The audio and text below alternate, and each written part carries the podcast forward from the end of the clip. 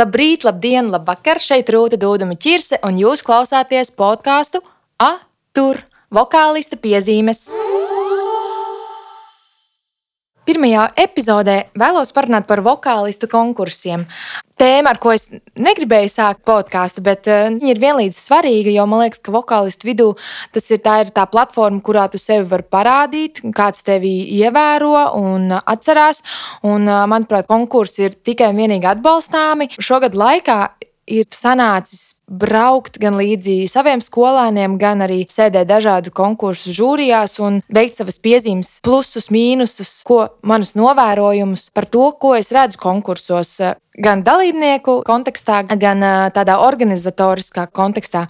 Vokālistu konkursi Latvijā ir pietiekami. Ja mēs izdalām uz gadu, tad viņi ir vismaz reizi mēnesī, vai pat vēl biežāk. Manos pierakstos tie bija vismaz 15 konkursi gadā, kuros vokālists var piedalīties. Un tie ir ne tikai popmūzikas, ne tikai estrādes žanra, mērķēti akadēmiskās mūzikas žanrā, dažādas ansambļu skates, dažādiem vecumiem un tā tālāk. Konkursi Latvijā pārsvarā notiek koncertzālēs, kultūras namos, mūzikas skolās, brīvdabas estrādēs. Dažreiz ir bijuši konkursi arī uz Stallinga kuģa, piemēram, un, protams, televīzijas studijās, televīzijas šovi un, un vokālistu konkursi, talantu konkursi un arī citi. Protams, gadu laikā konkursi ir mainījušies. Ja mēs atceramies, senāk pirmie konkursi bija jaunās zvaigznes, kur katru gadu repertuārs bija veltīts vienam konkrētam latviešu komponentam komponistam. Konkursam bija trīs kārtas. Notika daudz kur Latvijā, Latvijas kultūras namos. Pēc tam tika izvirzīti labākie no labākajiem. Visi satikās Zintra koncerta zālē un uh, visu rādīja, protams, arī televīzijā. Manuprāt, tas bija tāds, uh, viens no vērienīgākajiem konkursiem, ko es atceros, kurā es arī piedalījos. Un, un jau, jau šajos laikos tu jau ieguvi daudz draugus, daudz domu biedrus, kurus priecājies redzēt tagad ar, ar gūtiem skatuves panākumiem. Protams, Olgas Disenīte, kas arī viennozīmīgi bija vasaras top notikums visiem jaunajiem talantiem, sabraukt no visas Latvijas, dziedāt Salkrusta estrādē un iegūt arī daudz labas balvas. Eh, konkursos rotē tāds viens savs eh, kontingents, ja tā varētu teikt, un tas ir pilnīgi ok. Eh, sabrauc bērni, jaunieši un vairāk kā no 20 dažādām vokālajām studijām no visas Latvijas, dažādu līmeņu arī un dažādu vecumu bērni, dažādām vokālajām pieredzēm, protams, jo par vokālo pedagogu mēs parunāsim nedaudz vēlāk, bet, protams, arī pedagoģa pieredzes ir ļoti, ļoti dažādas un dažreiz pat arī pretējas, bet tā tas ir, jo katrs mēs esam mācījušies un guvuši informāciju pilnīgi citiem dažādiem pedagogiem un viņu pilnīgi atšķirīgajām pieredzēm. Runājot par saviem novērojumiem, teikšu godīgi, man ļoti patīk sēdēt žūrijās. Tas ir jā, nogurdinoši. Pasākuma beigās tu esi diezgan izsmelts, bet nu, ir ļoti interesanti gan salīdzināt, gan vērot dažādu vokālistu, kuri jau piedalās konkursā vairākus gadus pēc kārtas, ka tu vari redzēt viņu attīstību, viņu progresu, salīdzinot ar viņu no iepriekšējā gada un tā tālāk. Un tas, tas man kā pedagogam ļoti, ļoti patīk, ļoti interesē. Un tiešām ir man patīk apspriest savus novērojumus, savu pieredzi. Varbūt tieši tāpēc arī šis podkāsts sapa, jo pēc pēdējā konkursa, kurā sēdēju žūrijā, man bija ļoti, ļoti daudz piezīmes, kuras es nepaspēju publiski nevienam pateikt. Tad no es savus novērojumus izdalīju trīs, trīs aspektos. Zem šiem aspektiem ir vēl astoņi apakšpunkti, par kuriem es gribu parunāt. Tātad trīs punkti - ķermeņa valoda, muzikālais aspekts un tehniskā bāze. Par šiem trim svarīgajiem kodoliem būtu vērts parunāt un, un arī ieklausīties. Piemēram, ja mēs runājam par ķermeņa valodu, Pirmais, kas man iešaujās acīs, ir roku kustības. Parasti vokālists tur mikrofonu vienā rokā, Jā, dažreiz varbūt dziesmas laikā viņš uh, tur mikrofonu ar, ar abām rokām pieturās, varbūt viņam tā ir ērtāk un drošāk. Bet kur paliek tā brīvā roka, kura tajā brīdī neko nedara? Vai viņa žestikulē, vai viņa stāv pie vēdera, vai pie sāniem, nezinu, čabina svārkus no uztraukuma. Respektīvi, par to arī ir vērts pedagogam nu, ne tikai aizrādīt, bet mācību darbā pamanīt audzēkņa roku kustības. Ļoti, ļoti bieži procentuāli, vismaz tādām pusauģu meitenēm, es esmu pamanījusi to vienu brīvo roku ļoti nolaistu, vārgu. Liekas, ka viņai nav spēka, un uh, dziedot dziesmu, viņa parasti tur arī paliek apmēram pie tava saules pinuma ar noliektu plaukstu uz leju. Un nepakustās. Un tas ne pat atgrūž klausītāju, skatītāju, bet liekas, ka ar to tu nedos enerģiju. Jo kas ir vokālista galvenais uzdevums? Kaut kādā veidā radīt enerģijas apmaiņu ar klausītāju. Un šīs roku kustības tīri psiholoģiski tevi nobloķē, un šī enerģija netiek laista tālāk. Tātad arī tu pat nepat, nepietuvojies klausītājiem, kuram vēl žūrijai, kas sēž vistuvāk no visiem, nepadod to savu enerģiju ar savu vārgo, brīvo roku. Un tas ir tas, ko es pirmais vienmēr pamanu. Tāpēc, ka vienu gadu es atceros, tas bija katram otrajam vokālistam, kurš piedalās šī vārgā roka. Par to ir vērts padomāt. Principā roka un roku kustības, jo, ja mēs gestikulējam ar brīvo roku, tad cik cēla vai cik uh, tieši pretēji neveikla ir šī roku kustība. Ja mēs gestikulējam ar viņu ar plaši atvērtu pozu, tad roka ir ar tādu sajūtu, ka viņa stieptos vēl tālāk nekā viņa sniedzās. Vai arī sniedzoties uz priekšu, viņa sniedzās ar tādu sajūtu, ka viņa aizsniegs zāles otro galu. Ir vajadzība pēc konkrētas roku kustības. Ja tāda kustība notiek, tad lai viņa ir konkrēta. Vai arī, protams, kas par daudz, tas par skādi. Nevienmēr ir jāplātās, vai jāžastikulē, vai jāmāj, vai kaut kur jānorāda. Šī roka nav noteicošais uh, motīvs kādas dziesmas izpildē, bet par roku ir jāpadomā. Jāskatās, jāvēro sevi spogulī un jāpēta, vai jā, jāanalizē kāds savs video ieraksts un jāskatās tikai uz to brīvo roku. Ja runājam par kustībām, ritma izjūta. Bieži vien bērniem uh, neapstādina šo nepareizo ritma izjūtu. Ko nozīmē nepareiza ritma izjūta? Tad, kad viņš uh, skaita uz viens un trīs. Tas varbūt latviešiem vairāk iekšā ir šis viens un trīs, eh, it īpaši koncertos, eh, pamana, kad klausītājs sāk līdzi plaudēt, nevis uz divi un četri, kā tas ir piemēram eh, citvietā pasaulē. Amerikā jo, jo vairāk bērnam arī biežāk tu redzi, šūpošanās uz vienu, uz otru kāju ir ar stipro, stipro daļu uz viens un trīs. Bet, principā, pare, vispareizākajai ritmu izjūtai šūpošanās vajadzētu būt uz divi un četri.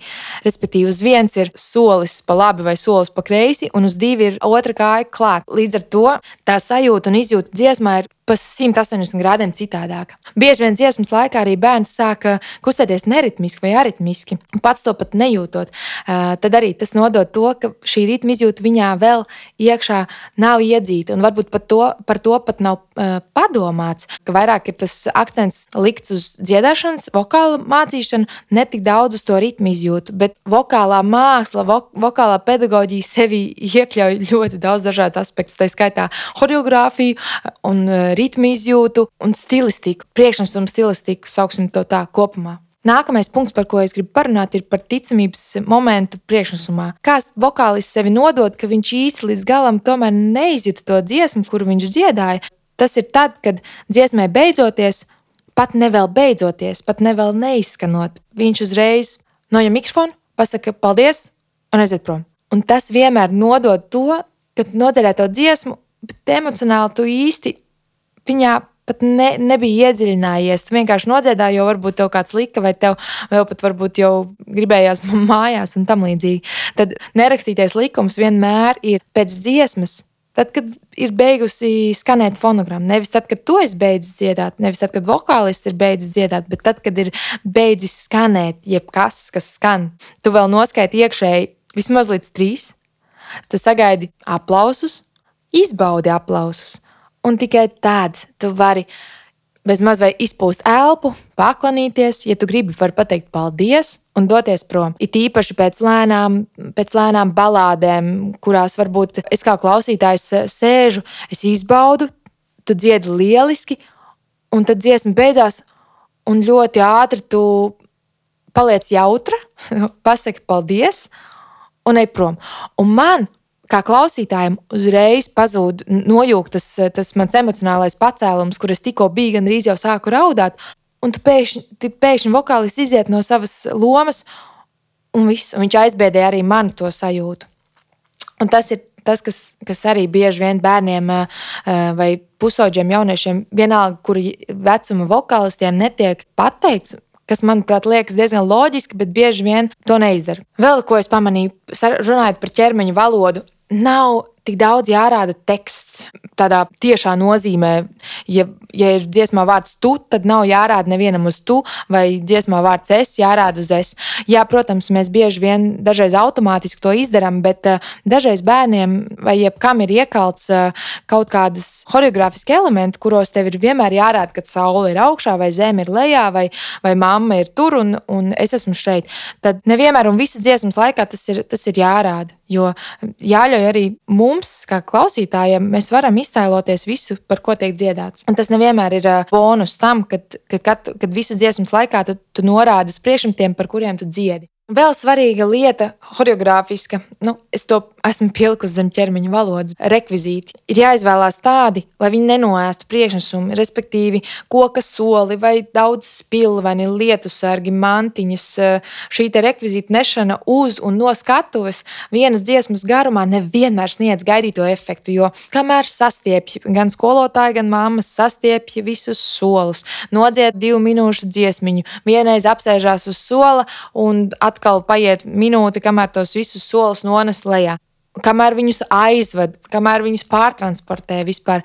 Tas man liekas, ir ļoti nevajadzīgi un lieki. Ja mēs runājam par muzikāliem rekvizītiem, piemēram, statīvs, jo meitene spēlēs saksofonu, jā, tas ir ok, bet tādi viena priekšnesuma sarežģīta, salīdzinoši sarežģīta un laika ietilpīga uzbūve konkursa laikā vienmēr arī nosit to vēlmi pat tālāk klausīties to priekšnesumu, kas bieži vien kompensē kaut kādas vokāla, varbūt nevarēšanas, bet nevienmēr. Pats svarīgākais punkts zem ķermeņa valodas, manuprāt, un ar ko es arī strādāju ikdienā, ir sejas izteiksmes, sejas žesti un mīmika, kas tikai palīdz vokālam, respektīvi, nebaidīties no tām, nebaidīties um, pacelt vaigus vai uzacis, ja ir nepieciešams alternatīvi nedaudz kādu augstāku noti piepacelt, vai saviept degunu, ja nepieciešams uh, nedaudz tāds tven, tvendzīgāks, ja tā var teikt, tonis. Nebaidīties atplest muti. Es uh, parasti mēdzu teikt, nevis kā pie zobārsta, bet arī ne kā uz gulētiešanu, respektīvi atrast to vidējo aritmētisko tā, lai tā mute būtu aktīva, bet ne gulēt ejoša un ne tik pārspīlēta, kā mums ir jāatver, lai mums redzētu pilnīgi visus zobus. Bet nekādā gadījumā ne, nevajag baidīties no savas sejas uh, muskuļu iespējām tās var ļoti izkrāsot eh, notis, skaņas pavisam citādāk. Spilgts piemērs pasaulē ir vokāliste Michelle Ferrell. Viņa gan ļoti pārspīlē savas, uh, savas sejas kustības, uh, dziedot. Tas arī ir gaumas jautājums, kādam var patikt, kādam var nepatikt. Bet tas, kā mainās skaņa, kaut vai viņai atverot muti vai uz vienu sānu, vai uz otru sānu, vai atplēšot super milzīgu muti, kā mainās skaņa. Tas ir tāds eksperiments mājās, ko mēs katrs varam panākt ar, ar savu muti. Kā mēs varam vienu A burtu pārvērst daudz un dažādās nokrāsās, vienkārši vai attaisot platāk, vai izveidojot muti apaļāku, ovālāku, šaurāku. Iedomājieties, ka mutē ir kaut kāds milzīgs burbulis, sulas burbulis, skaņas burbulis. To visu var asociēt, to visu var vizualizēt un izfantazēt. Un un paeksperimentēt, jo tas ir tas, kas dod nokrāsu dziedājumam.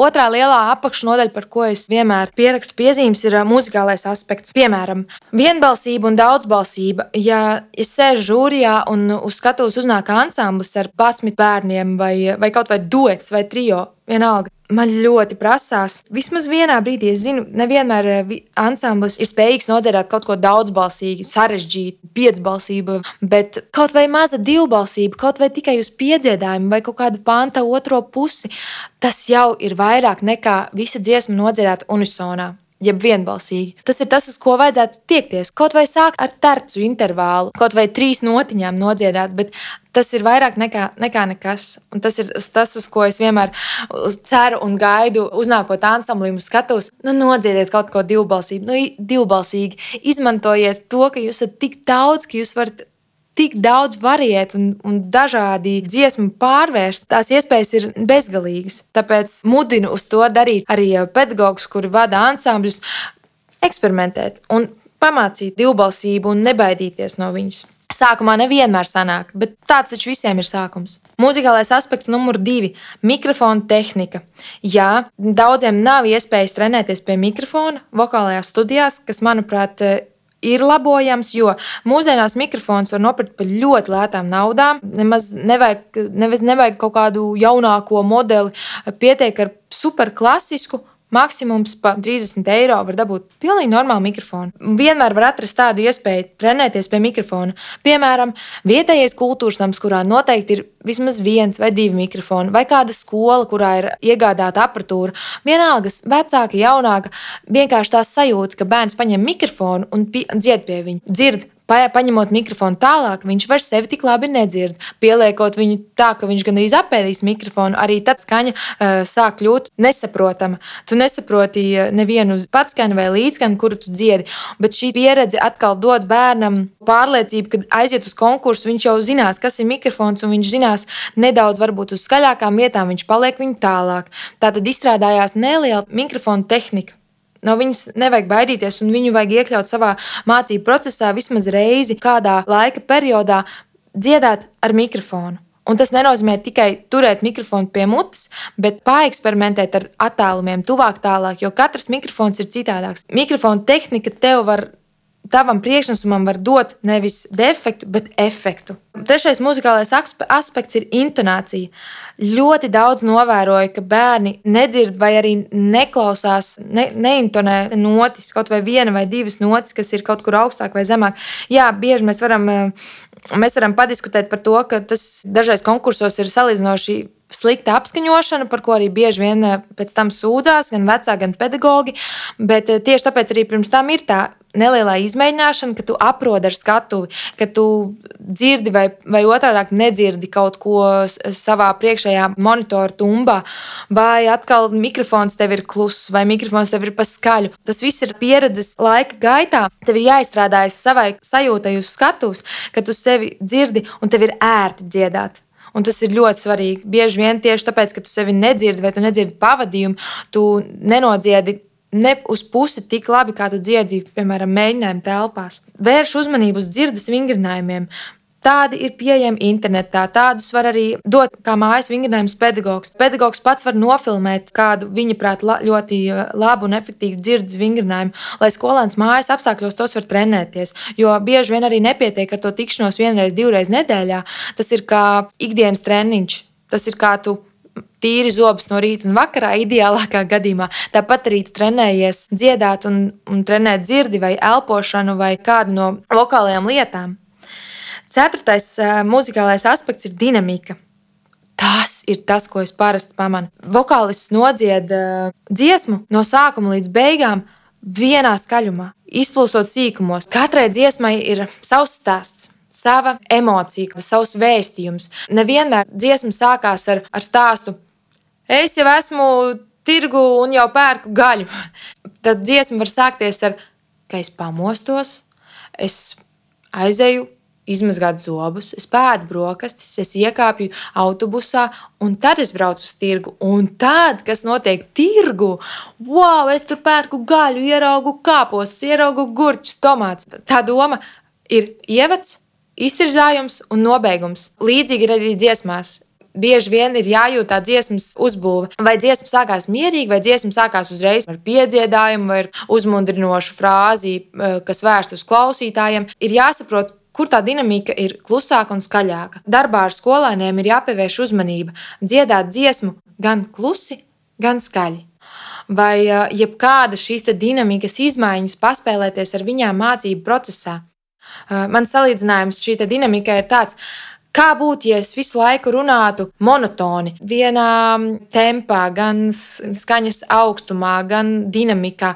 Pēc kādas minūtes jūs vairs mani nedzirdat, jūs vairs neuzsverat vispār neko, ko es runāju, ko es saku, bet tas pats ir arī dziedot. Ja mēs visu nodzirdam vienā skaļumā, Vai tieši pretēji vienā klusumā mēs neustveram kaut kādas svarīgākas frāzes vai svarīgos vārdus, ar kuriem ir jā, jāpaspēlējas, kuri ir klausītājiem jāiedod garšīgāk, pēkšņi jāiemet ausīs, lai tas klausītājs arī pamostās un principā visas dziesmas garumā ir uz tevi koncentrējies. Jo, ja tu otro vai trešo pantiņu jau dziedi tieši tāpat, kā tu dziedāji pirmo pantiņu, tad klausītājs jau sāk vilkt ārā telefonu un principā spēlēt spēlītas. Nākamais aspekts - fonogrammas. Runājot par ārzemju fonogrammām, tas man liekas, ir ļoti vienkāršs vienkārši risinājums jautājums. Internetā ir salīdzinoši kvalitatīvas un ļoti labas pieejamas fonogrammas ārzemju dziesmām. Mājaslapas, kuros, kurās var lejuplādēt fonogrammas pa velti, un viņas nemaz nav tik sliktas. Ir mājaslapas, kurās var lejuplādēt pa vienu vai diviem dolāriem, kas, manuprāt, arī nav tik dārgs ieguldījums. Runājot par latviešu dziesmām, ir ļoti daudzi fonogrammu meistari, kuri taisa fonogrammas. Cenu amplitūda svārstās sākot no 20 eiro, beidzot ar 200 eiro.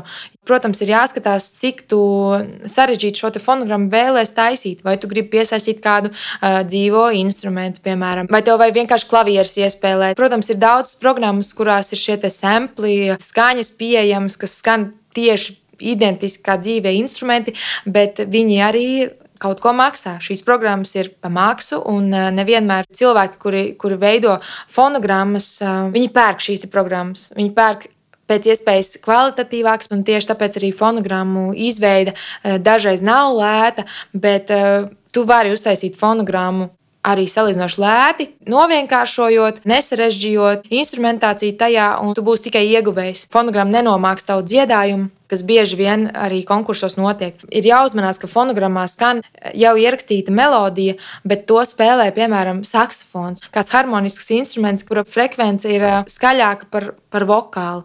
Tas vienmēr nomāca dziedājumu, un viņš paliek otrajā plānā. Vēl viens variants, Fonogrammu var mēģināt uztaisīt pats. Mūsdienās daudz dažādas programmas, vienkāršākā programma, garāža band, kurā var mēģināt eksperimentējot, uztaisīt savu pavadījumu dziesmai. Tas ir laikietilpīgi, bet nesāksi, nepamēģināsi, tad arī neko neuztaisīsi. Svarīgs muzikāls aspekts - vokālā tehnika. Protams, mēs eh, nevaram runāt par vokālo tehniku piecgadīgam bērnam. Jā, protams, vokālistu konkursos šī te tehnika izstrādājās palēnām. Visi rifi, rani, tvengi vai beltingi, ne tikai džēza, arī termini, kas sevī iekļauj eh, improvizāciju. Par to sīkāk kādā no nākamajām epizodēm. Viņa, protams, lēnām sāk izstrādāties dažiem, un konkursanti ļoti atšķirās no tiem, kas vienkārši dzied dziesmas, jo vēl neizprot vai nemāk pārvaldīt savu balsi. Mans ieteikums ir vairāk meklēt, surfot internetā, skatīties daudz dažādu mūzikas stilu, vokālistu sniegumus. Nav jā, jāapstājās tikai pie viena vai diviem mīļākajiem. Mēģināt atrast vismaz piecus jaunus, nedzirdētus vārdus, kurus paklausīties, no kuriem kaut ko smelties. Jo patiesībā mūsdienās, ko dara daudzi vokālisti, viņi kopē. Viņi kopē, un tas nav slikti. Mēs no katra varam smelties kaut ko drusciņu priekš sevis.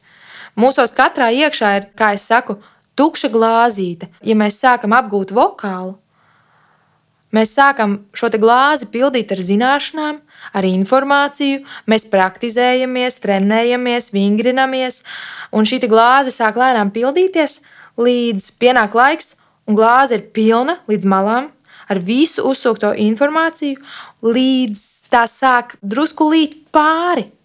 Un tajā brīdī, kad šī informācija sāk līt pāri malām, tikai tad ir tas brīdis, kad vokālists sāk kļūt šī vārda cienīgs vokālists.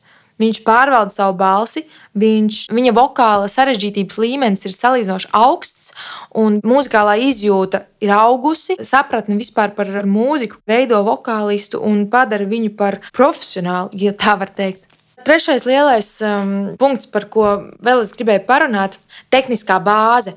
Pirmkārt, visgrūtākais uzdevums ir to, ko es jau iepriekš minēju, ir izdomāt vienu odziņu, kā atšķirties visā lielajā konkursu vokālistu zupā, kā atšķirties vizuāli un muzikāli no pārējiem, lai tu paliec atmiņā. Piemēram, Emīļas Vainhausas piemērs.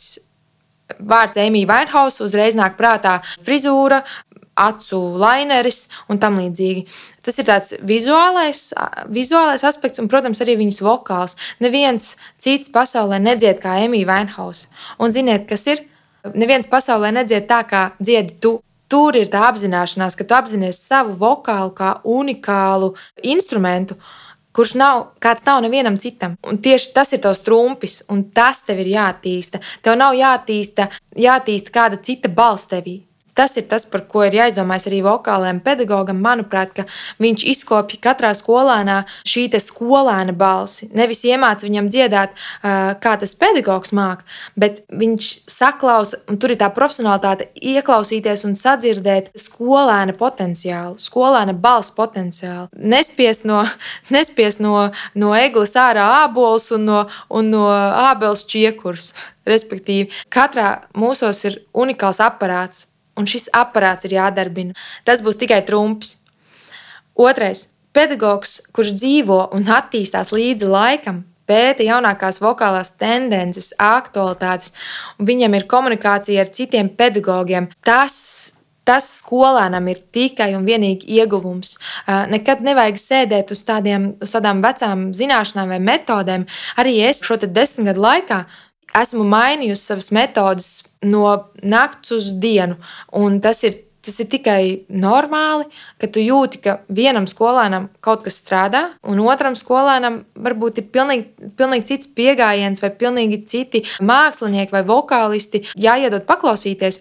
Nekā tam otram. Jāpavarie ar žanriem, ar stiliem, jāpavarie ar šiem, ar šiem visiem aspektiem aizmirst pateikt, ka ir svarīgi katrā skolēnā atrast to viņa žanru, kurā viņš ir visspēcīgākais, kura, kurš viņam, viņam padodas. Nevienmēr ir jādod maigām, trauslām balstiņām dziedāt roka dziesmas. Jā, tas ir eksperiments. Ar to noteikti mums ir, mēs varam nodarboties paralēli, jaukt žanrus, bet atrast to vienu, kurā mēs esam tiešām spēcīgi. Tātad tehniskā bāze, manas pārdomas par konkurenci konkursos.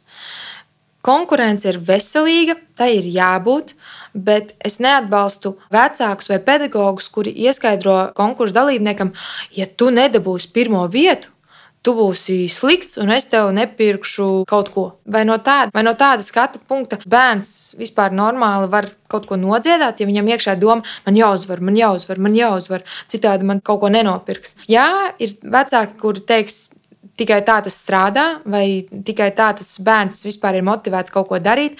No otras puses, varbūt tas mācību pieejams, tas vēl svarīgāks nekā tā nelielā šantāža. Nu, bērnam ir jāmīl tas, ko viņš dara. Un ja tu jūti, ka uz skatuves ir uznācis bērns, kurš tūlīt sāks raudāt no tā, ka viņam ļoti nepatīk tas, ko viņš dara, vai kaut ko, ko viņš dzied, to var just. To var just un to nevar apslēpt. Par konkurenci vēl varētu padomāt. Jo konkurences gars vai, vai salīdzināšana sevi ar citu ir aplama, jo tu nekad nebūsi tāds kā tas otrs, un tas otrs nekad nebūsi tu. Tev ir jāapzinās tas, ka tu esi tāds viens, vienīgais. Vairāk jākoncentrējas uz sevi, uz savām spējām, nevis jāsalīdzina ar kādu, kurš tavuprāt ir labāks. Vēlreiz atgādināšu, tas, ka tu vari smelties no kāda, kurš māca kaut ko citu kā tu. Jā, Tas ir forši, bet salīdzināt un uzreiz secināt to, ka tu esi sliktāks, tāpēc ka tu kaut ko nemāki, tas nav pareizi. Jo tu nemāki tikai tāpēc, ka tu vēl neesi patrenējies pie tā. Vokālo konkursu tematikas noslēgumā vislielākais jautājums, pie kā es gribētu pievērsties un izteikt savas domas, ir par balvām konkursos. Savulaik atceros Olgas Disnītē, es vienu gadu iegūstu CD playeri, kas bija wow. Man nebija CD players, es biju tiešām, tiešām priecīga. Es viņu klausījos caurām dienām. Vēl kādu gadu citā konkursā es eh, ieguvu fēnu. Eh, jā, fēns nav saistīts ar mūziku, bet, eh, bet man noderēja, jo man tiešām nebija fēna. Bet mūsdienās balvas, ja es tā mani novērojumi, vismaz ko esmu manījusi, ir mm, ļoti švakas. Nu, piemēram, diploms, kurš pēc tam tiek kaut kur pazaudēts, jau vai pat tajā dienā tiek pazaudēts, konfekts, kuras mājās ir pietiekamā daudzumā. Tas, uz ko es vēršu uzmanību, ka ir ļoti, ļoti daudz iespējas, kā kaut vai ar minimāliem līdzekļiem, bet panākt daudz vairāk balvas tieši bērniem. Jo man liekas, viņu ieguldītais darbs un arī pedagoģa ieguldītais darbs ir jābūt tai sajūtai, ka viņi tiešām ir kaut ko padarījuši un, un jābūt tiem nopelniem. Nesen Instagramā veicu aptauju, ko, ko ar mūziku saistīti cilvēki un ar konkursiem saistīti cilvēki domā par, par balvām, par apbalvojumiem. Un uh, lielākā daļa teica, ka Nu, ka nav tās balvas, viņas neiedzīvina bērnos to tiešām to viņa padarītā darba gandarījumu sajūtu.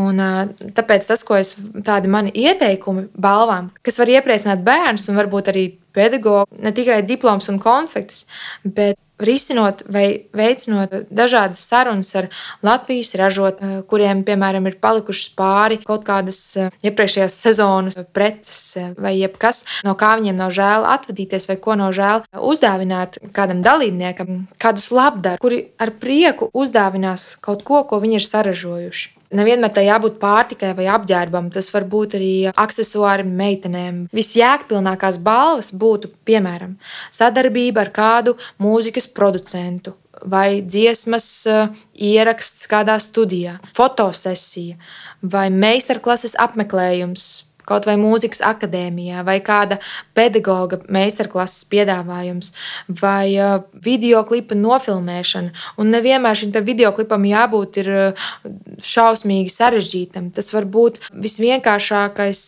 kultūras nams vai kāda telpa, kurā, kurā tevi skaisti nofilmē ar trīs dažādām kamerām un samontē. Un to mierīgi kāds var izdarīt arī ne par, ne par miljoniem.